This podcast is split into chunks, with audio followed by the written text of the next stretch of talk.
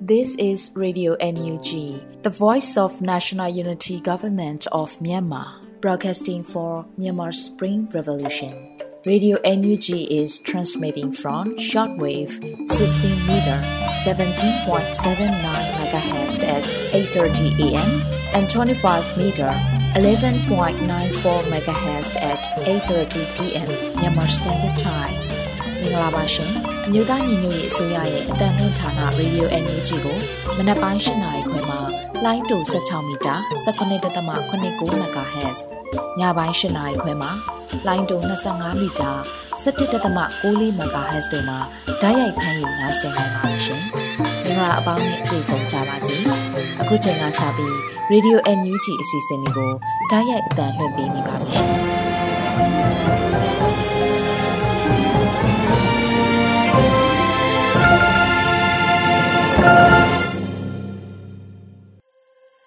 မြန်မာနိုင်ငံသူနိုင်ငံသားအပေါင်းတဘာဝပေးဆရာနာရှင်ပြည်တို့ကနေကင်းဝေးပြီးကိုစိတ်နှစ်ပါးပေးကင်းလုံခြုံကြပါလေလို့ရေဒီယိုအန်ယူဂျီဖွဲ့သားများကဆုတောင်းမြတ်တာပို့သလာရပါတယ်ရှင်။ခုချိန်ကစပြီးကာကွယ်ရေးဝန်ကြီးဌာနရဲ့စီရေးသတင်းချင်းချုပ်ကိုတော့မျိုးဦးမိုးမှဖတ်ကြားတင်ပြပေးပါရမရှင်။မင်္ဂလာပါခင်ဗျာ။အမျိုးသားညီညွတ်ရေးအစိုးရ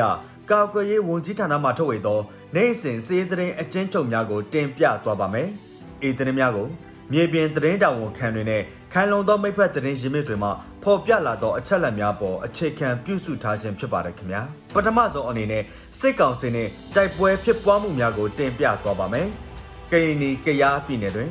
အော်ဂိုလာ18ရက်နေ့ညနေ4:30မိနစ်ခန့်ကဒီမော့ဆိုမြို့နယ်ကုန်းတာရွာတွင်တက်ဆွဲထားသောစစ်ကောင်စီတပ်အား KRU နှင့် DMO PDF ပူးပေါင်းတပ်များနှစ်နာရီကြာတွားရောက်တိုက်ခတ်ခဲ့ရာ စစ်ကောင်စီဘက်မှလက်နက်ကြီးများအတွဲလိုက်တုံးများ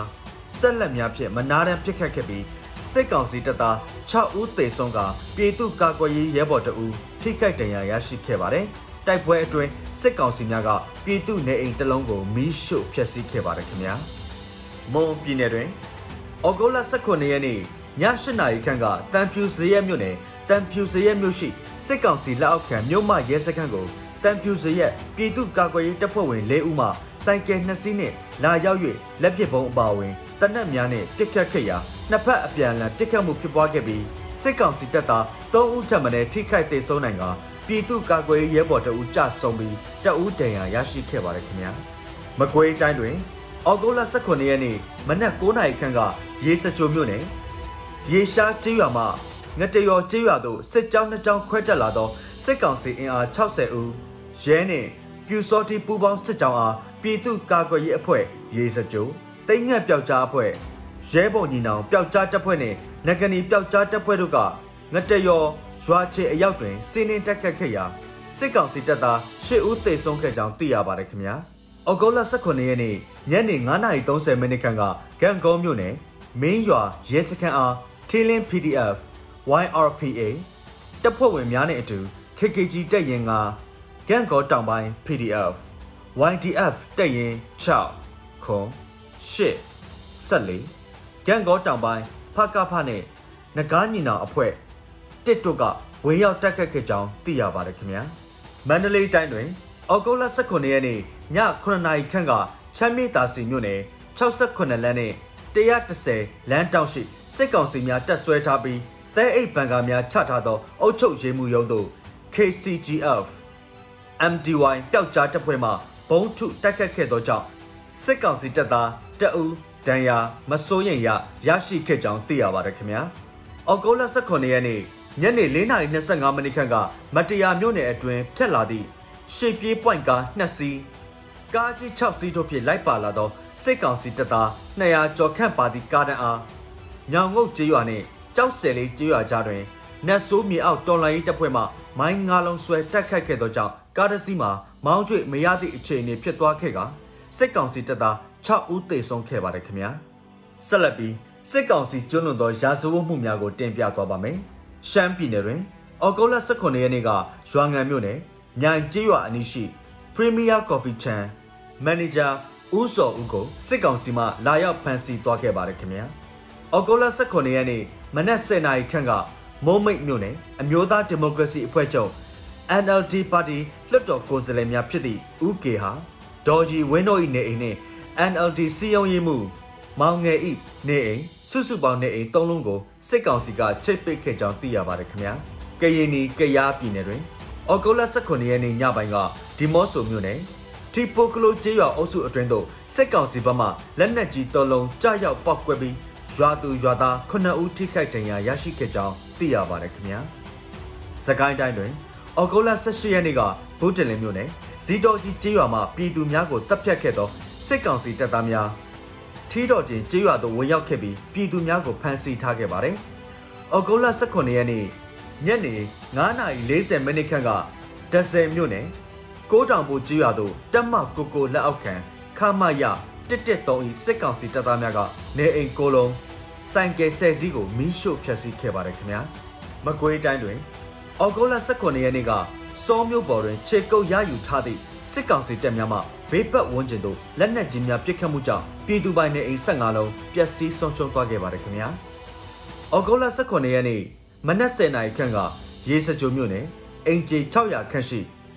ငတ်တမျောကျေးရွာအားစစ်ကောင်စီနှင့်စစ်ကောင်စီလက်အောက်ခံပြူစောတီပူးပေါင်းစစ်ကြောင်းမှ ပြစ်ခတ်ဝင်ရောက်ပြီးပြည်သူပိုင်နေအိမ်များအားမီးရှို့ဖျက်ဆီးခဲ့ကြောင်းသိရပါတယ်။ရန်ကုန်တိုင်းတွင်ဩဂုတ်လ18ရက်နေ့ည10:00နာရီခန့်ကကမာရွတ်မြို့နယ်3ရက်ကွက်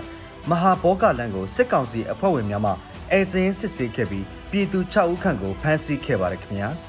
ဟုတ်ကဲ့ပါအခုတင်ပြခဲ့တာကတော့အမျိုးသားညီညွတ်ရေးအစိုးရကာကွယ်ရေးဝန်ကြီးဌာနမှထုတ်ဝေသောနိုင်စဉ်စီးရေးသတင်းအကျဉ်းချုပ်များပဲဖြစ်ပါတယ်ခင်ဗျာကျွန်တော်ຫນွေဦးမိုးပါ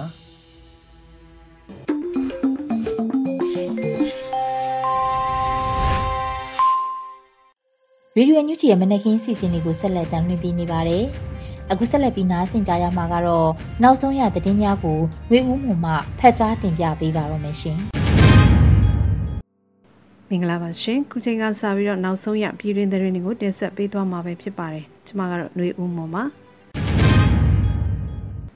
တော်လေးကိုအမြဲဆုံးအဆုံးသတ်ရမယ့်အချိန်တို့ရောက်ရှိလာတာနဲ့အမျှပြည်သူ့အုပ်ချုပ်ရေးဖော်ဆောင်မှုလုပ်ငန်းစဉ်များအရေးကြီးလာတော့မယ်လို့ ပြည်ထောင်စုဝန်ကြီးချုပ်ပြောကြားလိုက်တဲ့သတင်းကိုဥစွာတင်ဆက်ပေးကြပါမယ်။တော်လေးကိုအမြဲဆုံးအဆုံးသတ်ရမယ့်အချိန်ကိုရောက်ရှိလာတာနဲ့အမျှပြည်သူ့အုပ်ချုပ်ရေးဖော်ဆောင်မှုလုပ်ငန်းစဉ်များအရေးကြီးလာတော့မယ်လို့ပြည်ထောင်စုဝန်ကြီးချုပ်မန်ဝင်းခိုင်တန်းကပြောပါရယ်။ဩဂုတ်လ18ရက်ကျင်းပတဲ့ဂျာကာလာဒေသန္တရပြည်သူ့အုပ်ချုပ်ရေးဖော်ဆောင်မှုဗဟိုကော်မတီအစည်းအဝေးမှတ်စဉ်25မြင်းဆောင်2020မှာဝန်ကြီးချုပ်ကပြောကြားခဲ့တာပါ။မိမိတို့အနေနဲ့တော်လေးကိုအမြဲဆုံးအဆုံးသတ်ရမယ့်အချိန်ကိုရောက်ရှိလာတာနဲ့အမျှ ပြည်သူ့အုပ်ချုပ်ရေးဖော်ဆောင်မှုလုပ်ငန်းစဉ်များဟာလည်းများစွာအရေးကြီးလာတော့မှာဖြစ်တာကြောင့်တာဝန်ရှိသူများအနေနဲ့ကြိုတင်ပြင်ဆင်ဆောင်ရွက်ထားကြရန်လိုအပ်မည်ဖြစ်ပါကြောင်း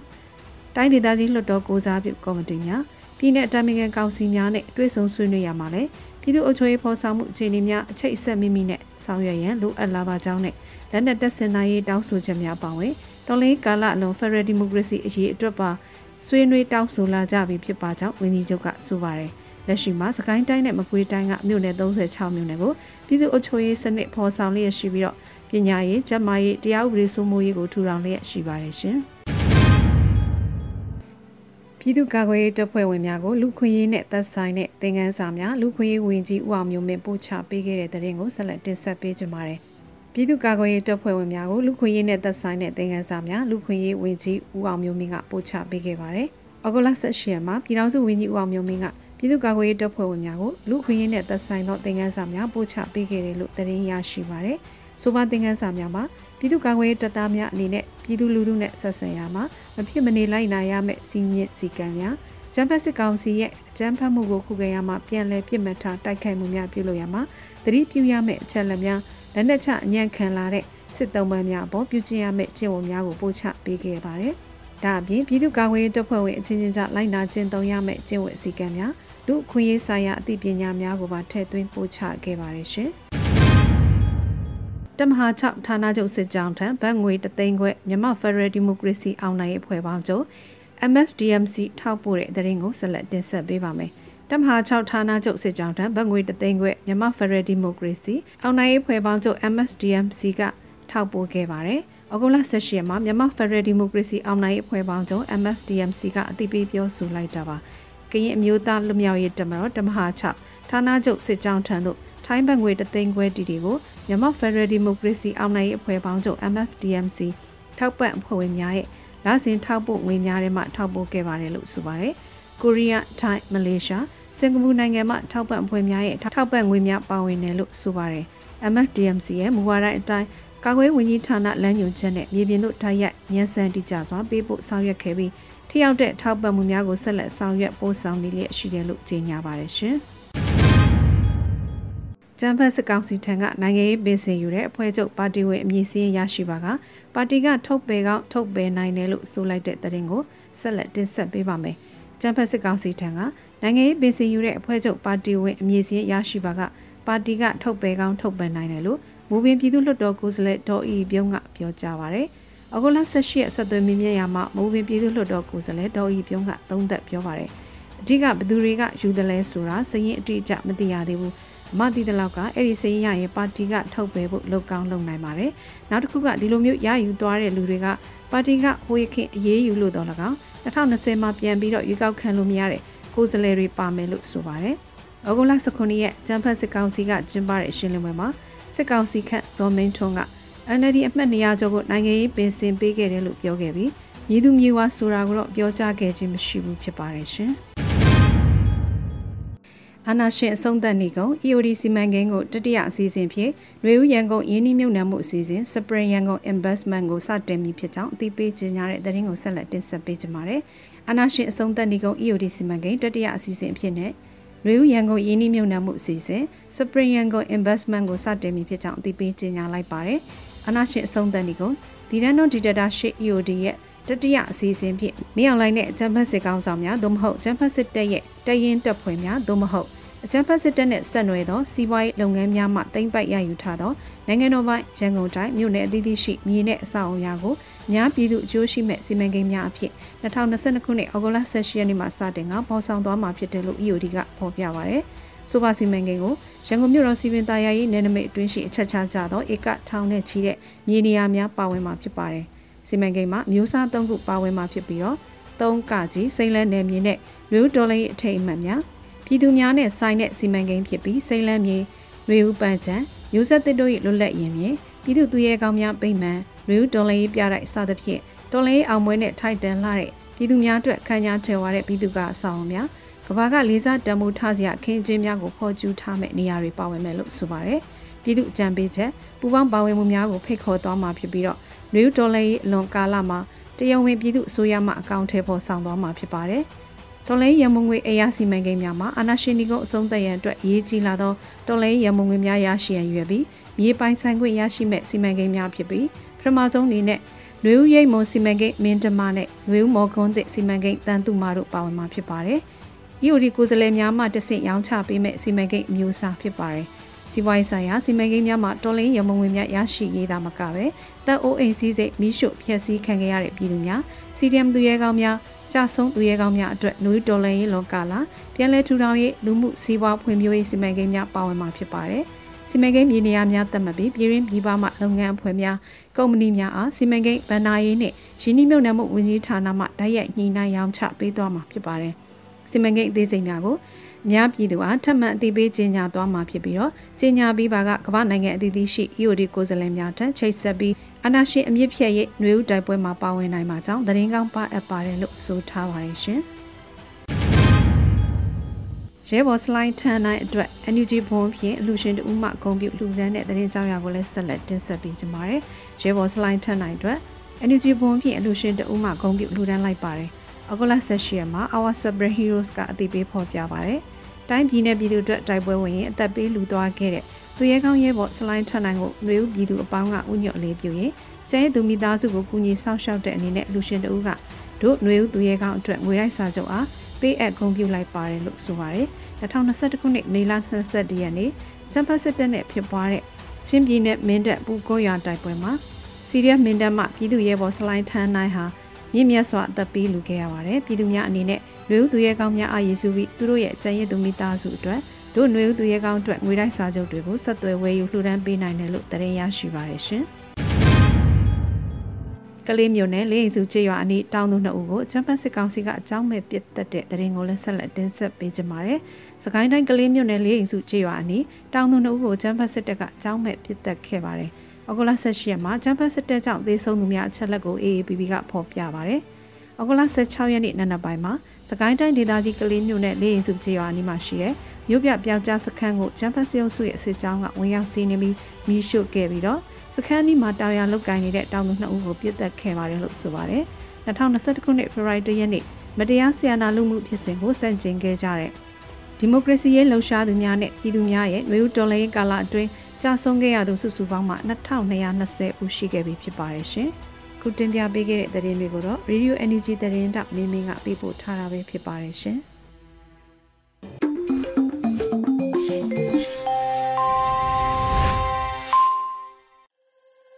အခုဆက်လက်ပြီးနားဆင်ကြရမယ့်စီစဉ်ကတော့အားကောင်းတဲ့လီဘီယာနဲ့ရန်ဝန်အခြေအနေနဲ့ပတ်သက်ပြီးတတိပေးချက်ကိုအရီမှဖတ်ကြားတင်ပြပေးပါရမရှင်။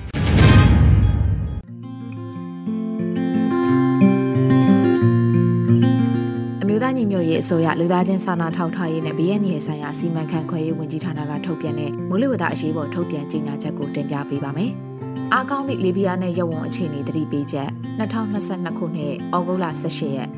လက်တလောဘင်္ဂလားပင်လယ်ော်အရှေ့မြောက်ပိုင်းမှာဖြစ်ပေါ်နေတဲ့လီဘီယာနဲ့ယဝန်ဟာပုံမအားကောင်းလာပြီးနောက်လာမယ့်12နာရီအတွင်း deep depression အဆင့်ကိုရောက်ရှိနိုင်ပါတယ်။အဆိုပါ deep depression ဟာလာမယ့်19ရက်နေ့ညပိုင်းမှာအိန္ဒိယနိုင်ငံကမ်းခြေကိုဖျက်ကျော်ဝင်ရောက်မယ်လို့ခန့်မှန်းထားပါတယ်။ အားကောင်းတဲ့လီဘီယာနဲ့ယဝန်ကြောင့်ရခိုင်ကမ်းရိုးတန်းတလျှောက်နဲ့ကမ်းလွန်ပင်လယ်ပြင်တို့မှာမိုးသက်လေပြင်းများကြာရောက်နိုင်ပါတယ်။လေတိုင်နှုန်းဟာတနအီကိုမိုင်40ကနေ50အထိတိုက်ခတ်နိုင်ပါတယ်။ကံယူရန်ဒေသနဲ့ဆက်ဆက်နေတဲ့ AR မျိုးဝကျုံးမော်ဒေသရန်ကုန်တိုင်းမွန်ပြည်နယ်ကရင်ပြည်နယ်ချင်းပြည်နယ်နဲ့တနင်္သာရီတိုင်းတို့မှာနေရာကွက်ပြီးမိုးကြီးခြင်းနဲ့ရေကြီးခြင်းတွေဖြစ်ပေါ်နိုင်ပါတယ်။ အကြံပြုချက်တွေအနေနဲ့ကတော့အားပြင်းတဲ့လေပြင်းနဲ့ရဝုံအရှိန်ကြောင့်မိုးသက်လေပြင်းကြားရောက်ခြင်းလှိုင်းကြီးခြင်းနဲ့လေပြင်းတိုက်ခတ်ခြင်းတွေဖြစ်ပေါ်နိုင်တဲ့အတွက်မြဝကျုံမော်နဲ့ကမ်းရန်ဒေသတွေမှာရှိတဲ့ကမ်းဒီကမ်းဝေးရေလုံသားတွေအနေနဲ့လာမယ့်နှစ်ရက်အတွင်းပင်လယ်ပြင်ငါးဖမ်းထွက်ခြင်းကိုမပြုလုပ်သင့်ပါဘူး။မိုးသက်လေပြင်းကြားရောက်တာကြောင့်မြို့ပြဒေသတွေမှာလျှက်တစ်ပြက်ရေလွှမ်းမိုးခြင်းမိုးကြိုးပြစ်ခြင်းမိုးများခြင်းကြောင့်မြေပြိုတောင်ပြိုခြင်းတစ်ပင်ကြီးများလဲကျခြင်းဓာတ်ကြိုးများပြတ်တောက်ခြင်း ကားလန်ရထားလမ်းများရှိကြောခြင်းရေမတန့်ခြင်းနဲ့ဆက်ဆက်တဲ့နောက်ဆက်တွဲကျန်းမာရေးပြဿနာတွေဖြစ်ပွားခြင်းတို့ကိုကြုံတွေ့ရနိုင်တဲ့အတွက်အဆိုပါဒေသတွေမှာနေထိုင်ကြတဲ့ပြည်သူတွေအနေနဲ့သတိပြုနေထိုင်နိုင်ကြဖို့လူသားချင်းစာနာထောက်ထားရေးနဲ့ဘေးရန်ရေးဆိုင်ရာစီမံခန့်ခွဲရေးဝန်ကြီးဌာနကအတည်ပြုထားပါတယ်ရှင်။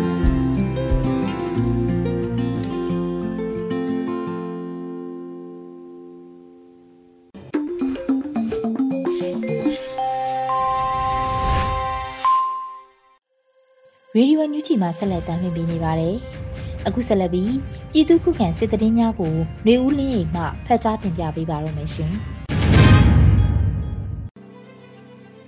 ပထမဆုံးအနေနဲ့ရန်ကုန်မြို့ကခမာရ435တက်ရှိရှိလုံခြုံရေးဘဏ်ကာဂိတ်ကိုဘုံခွဲတိုက်ခိုက်ခံရတဲ့တဲ့ရင်ကိုတင်ဆက်ပေးပါမယ်။ ရန်ကုန်တိုင်းမြောက်ကလာနဲ့တောင်ကလာပါအစက်တန်တုမာလန်နဲ့ကန္နမာလန်ကြောင်ရှိချေမြန်တရင်435တက်ရှိဂိတ်ရှိလုံခြုံရေးဘဏ်ကဂိတ်ကိုယနေ့ညနေပိုင်းမှာဘုံခွဲတိုက်ခိုက်ခဲ့ကြောင်းတော်လိုင်းရေးအဖွဲ့များကထုတ်ပြန်ပါတယ်။ဩဂုတ်လ18ရက်နေ့ည9:20မိနစ်20ခန့်အချိန်မြောက်ကလာပါနဲ့တောင်ကလာပါအစက်တန်တုမာလန်နဲ့ကန္နမာလန်ကြောင်ရှိခမာယ435တက်ရှိဂိတ်ဘဏ်ကကိုစစ်ကောင်စီတပ်သားတချို့ရှိနေချိန် URF United Resistance Force နဲ့ DRF Divine Ranger Force တို့ကပူးပေါင်းပုံခွဲတိုက်ခိုက်ခဲ့ကြောင်းအဆိုပါတိုက်ခိုက်မှုကြောင့်ထိခိုက်မှုအခြေအနေအသေးစိတ်ကိုမသိရှိရသေးပေမဲ့တော်လန်ရေးရဲဘော်တွေအနေနဲ့ဘေးကင်းစွာဆုတ်ခွာနိုင်ခဲ့ကြောင်းသတင်းထုတ်ပြန်ထားပါတယ်။ဒီမော့ဆိုမြို့နယ်ကုန်းတာကျေးရွာမှာအကြမ်းဖက်စစ်တပ်နဲ့ကရင်နီတော်လန်ရေးတပ်ပေါင်းစုကြားတိုက်ပွဲမှာအကြမ်းဖက်စစ်သား6ဦးခန့်သေဆုံးတဲ့တဲ့ရင်ကိုဆက်လက်တင်ဆက်ပေးပါမယ်။ ကရင်ပြည်နယ်ဒီမော့ဆိုမြို့နယ်ကုန်းတာကျေးရွာမှာအကြမ်းဖက်စစ်တပ်နဲ့ကရင်တော်လှန်ရေးတပ်ပေါင်းစု KRU ကြားမနေ့ကဩဂုတ်လ18ရက်ညနေမှာတိုက်ပွဲဖြစ်ပွားခဲ့ပြီးအကြမ်းဖက်စစ်သား6ဦးခန့်သေဆုံးနိုင်ကြောင်း KRU ကသတင်းထုတ်ပြန်ပါတယ်။မနေ့ကညနေ4နာရီခွဲမှာညနေ6နာရီခွဲအထိ2နာရီကြာတိုက်ပွဲဖြစ်ပွားခဲ့ပြီးလက်နက်ကြီးလက်နက်ငယ်တွေနဲ့အပြန်အလှန်ပစ်ခတ်ခါတိုက်ပွဲပြင်းထန်ခဲ့ပြီး KRU ဘက်မှရဲဘော်တအုပ်မစိုးရိမ်ဒဏ်ရာရကြောင်းသိရှိရပါတယ်။ အကြမ်းဖက်စစ်တပ်ဟာပြည်သူပိုင်နေအိမ်တလုံးကိုမီးရှို့ဖျက်ဆီးခဲ့ကြောင်းနဲ့လက်နက်ကြီးတွေဒရက်ဆက်ပစ်ခတ်မှုကြောင့် KRU ဘက်မှပြန်လည်ဆုတ်ခွာခဲ့ကြောင်း KRU ကသတင်းထုတ်ပြန်ထားပါတယ်။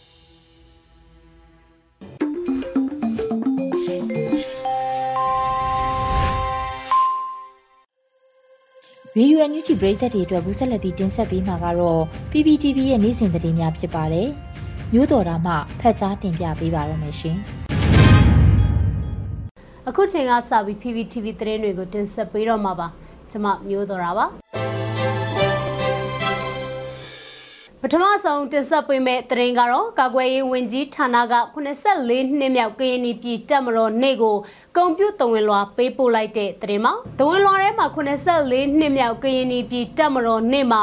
ကရင်ပြည်သူလူထုတရက်လုံးနဲ့ကရင်ပြည်တပ်မတော်မှာတာဝန်ထမ်းဆောင်နေကြတဲ့အရာရှိစစ်သည်တွေအားလုံးကိုကိုစိတ်နှစ်ပြကျမ်းမာပြီးလူအင်ဆန္ဒတွေပြေဝပါစေကြောင်းစုမုံကောင်တောင်းပေးထားပါတယ်။1948ခုနှစ်အောက်ဂတ်လ18ရက်နေ့မှာကရင်ပြည်ရဲ့လွတ်လပ်မှုကိုကာကွယ်ရန်ကရင်ပြည်တပ်မတော်ကိုစတင်ဖွဲ့စည်းခဲ့ပြီးဆရာနာရှင်အဆက်ဆက်ကိုခုခံတွန်းလှန်ခဲ့ကြတာပါ။ကရင်ပြည်တပ်မတော်ကကရင်တော်လှန်ရေးသမိုင်းတခြားဆရာနာရှင်စနစ်စန့်ကျင်ရေးကြာရတာဝန်တွေကိုမမိတ်မတုံယုံကြည်တဲ့စိတ်ဓာတ်နဲ့ခြေပွန်စွာထမ်းဆောင်ခဲ့ပြီးသမိုင်းကုံရောင်ပြောင်းတဲ့တပ်မတော်ဖြစ်တယ်လို့တဝန်လွှာမှာဖော်ပြထားပါတယ်။ကရင်ပြည်နယ်ကရင်ပြည်သူလူထုရဲ့အသက်အိုးအိမ်စီးစိမ်တွေကိုကာကွယ်ရန်အသက်သွေးချွေးများစွာဆွန့်လွတ်ပေးဆက်ခဲ့တဲ့ကရင်ပြည်တပ်မတော်နဲ့တကွာကရင်ပြည်ရဲ့အာဇာနည်သူရဲကောင်းတွေကရင်ပြည်သူများအားလုံးကိုအမျိုးသားညွရေးအစိုးရကာကွယ်ရေးဝန်ကြီးဌာနမှလေးနက်စွာနဲ့ အောက်မေ့ဦးညွတ်ကုန်ပြတယ်လို့ဖော်ပြထားပါတယ်။2021ခုနှစ်ဖေဖော်ဝါရီလ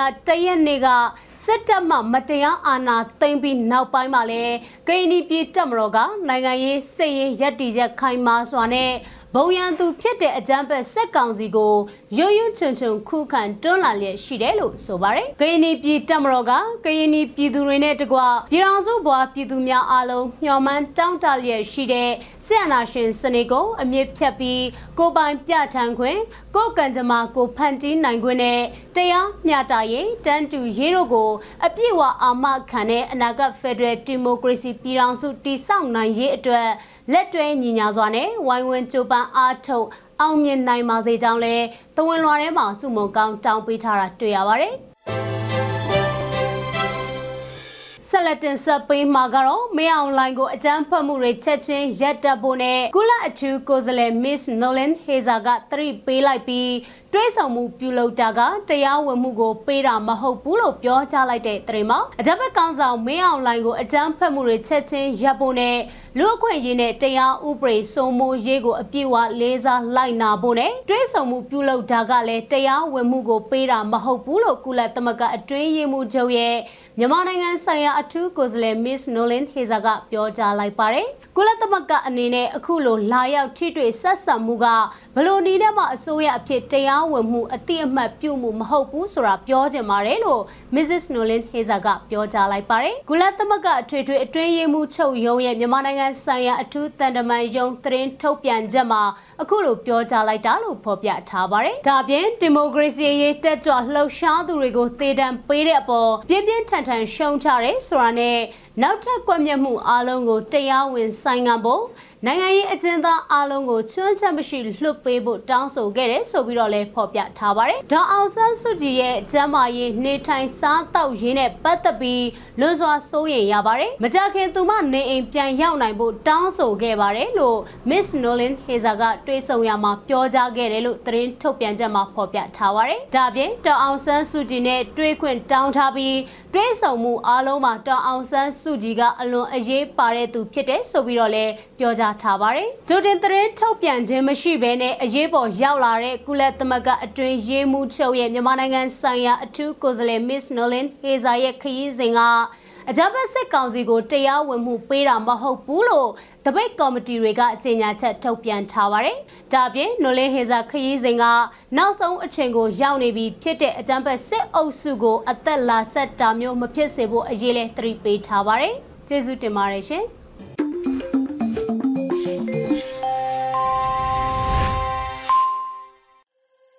ရေဒီယိုညူချီပရိသတ်တွေအတွက်ကူးဆက်လက်ပြီးထုတ်လွှင့်ပေးမယ့်စီစဉ်ကတော့တိုင်းရင်းသားဘာသာစကားနဲ့သတင်းထုတ်လွှင့်မှုအနေနဲ့ချိုးချင်းဘာသာစကားခွဲတစ်ခုဖြစ်တဲ့ကန်ဘာသာဖြစ်သတင်းထုတ်လွှင့်မှုကိုနားဆင်ကြရမှာဖြစ်ပါတယ်။ဒီစီစဉ်ကိုရေဒီယို NUG နဲ့ချိုးချင်းဘာသာစကားထုတ်လွှင့်မှုဖွဲ့တို့ကပူးပေါင်းတင်ဆက်ထားတာဖြစ်ပါတယ်ရှင်။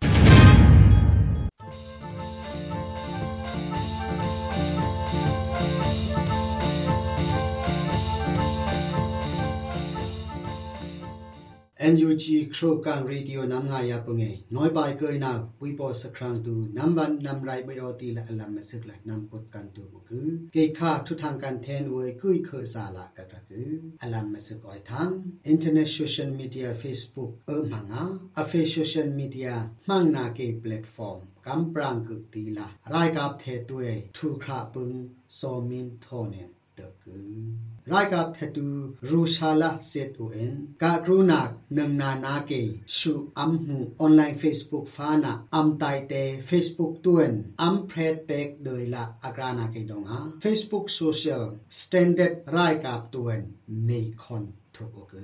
อคาโซลากรานาเกดงารายกับเทตุเอโซเชียลมีเดียอัไทยกัมปรางอี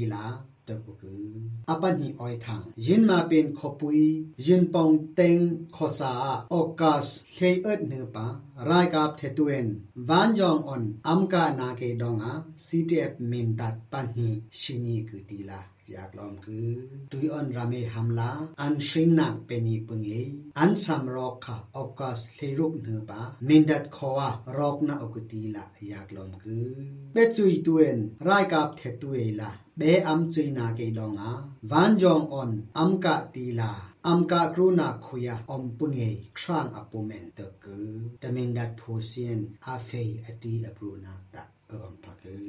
อปทุมอ่อยทางเมดัดขคุยออนขคุยลูนักลำตัวตู้มงอยรายกับเทตุเอนยันรอยปเตละเดิมปึงละรายกับเทตูตาเฮอุกตีอยากลำคือกุมทองนี่กุมทองกุมนี่โอกาสคราเชงานเหือปาตื่นปึงเงินกินเทกาตูตากชีบายอุกตีละปีนำอปุเมน ตะเมนดัดโพเสียละตะกือเมนดัดขปุยคุยาวุลุดวลุดอุเอนจิตเชยอุกือเชยุงอิมารายกับเทตูดาอุกตีละอยากลำคือเมนดัดออนมะกุยอันนลักบางาขอซาอปุ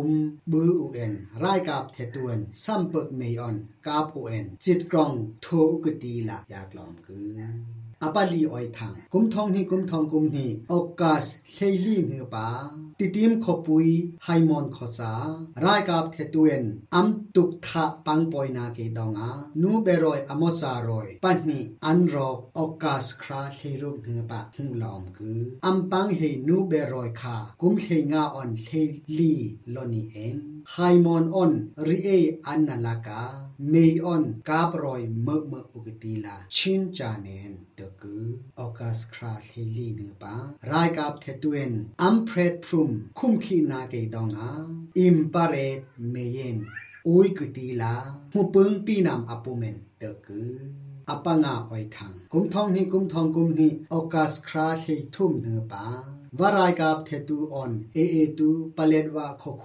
พีอนุยนอกละก anui la kamka prokriti la okas lenga ngepa e e tuan takugu akaso ne alam masuk ka kruna ka arkan ram tungpai khosai ashib banga rai kap thetu on e e tu kap krogu okas leitum ngepa phi anui nok la kap krokiti yaklom gu rai kap thetu kha e e tuen am om nak la am lu lo shi na ke donga ka krunak om kuti yaklom gu อมกุอาคาโซยอัมกากรูนาการายกับเททุมกิปอนอปุมชีเอ็นเล่มบายเปิงพีอนุยนอกอมกติอยากลอมกุรามอนนามิพุเนฮัมลาอาเชงนักเตอุปุงเอเอเออายอยอมกติพีอยากชีบายลอมกุรายกับเทตุเออัมลิไทยซัมเปิกเมครุกิปเอ็มเอ็มอาชาวอปุมเอ็มเอเมเฮงาเอ็มเอวันเมปารุ MA4 ลิไทยปันอตอยซาอปุมกัมรูเตเป hei ku ti G, lom ku NUG Crow kang radio nam nga ya punge noi pai kai na pui po sakrang avan rai shum shum mon amu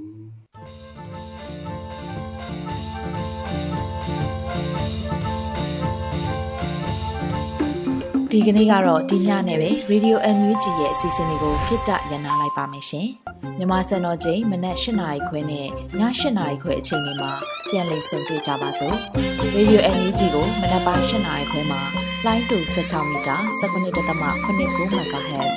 ညပိုင်း၈နာရီခွဲမှာလိုင်းတူ25မီတာ17.6 MHz တို့မှာဓာတ်ရိုက်ဖမ်းလို့နိုင်နိုင်ပါပြီ။မြန်မာနိုင်ငံသူနိုင်ငံသား တွေကိုစိတ်နှပြကျန်းမာချမ်းသာလို့ဘေးကင်းလုံခြုံကြပါစေလို့ Radio NUG အဖွဲ့သူဖွဲ့သားတွေကဆုတောင်းမြတ်တာပို့တာလိုက်ရပါတယ်ရှင်။အမျိုးသားညီညွတ်ရေးအစိုးရရဲ့စက်သွေးရေးသတင်းအချက်အလက်နဲ့မျိုးပညာဝန်ကြီးဌာနကထုတ်လွှင့်နေတဲ့ Radio NUG ဖြစ်ပါတယ်။ San Francisco Bay Area အခြေစိုက်မြန်မာမိသားစုတွေနဲ့နိုင်ငံတကာကစေတနာရှင်လို့အားပေးနေတဲ့ Radio NUG ဖြစ်ပါတယ်။အရေးတော်ပုံအောင်ရမည်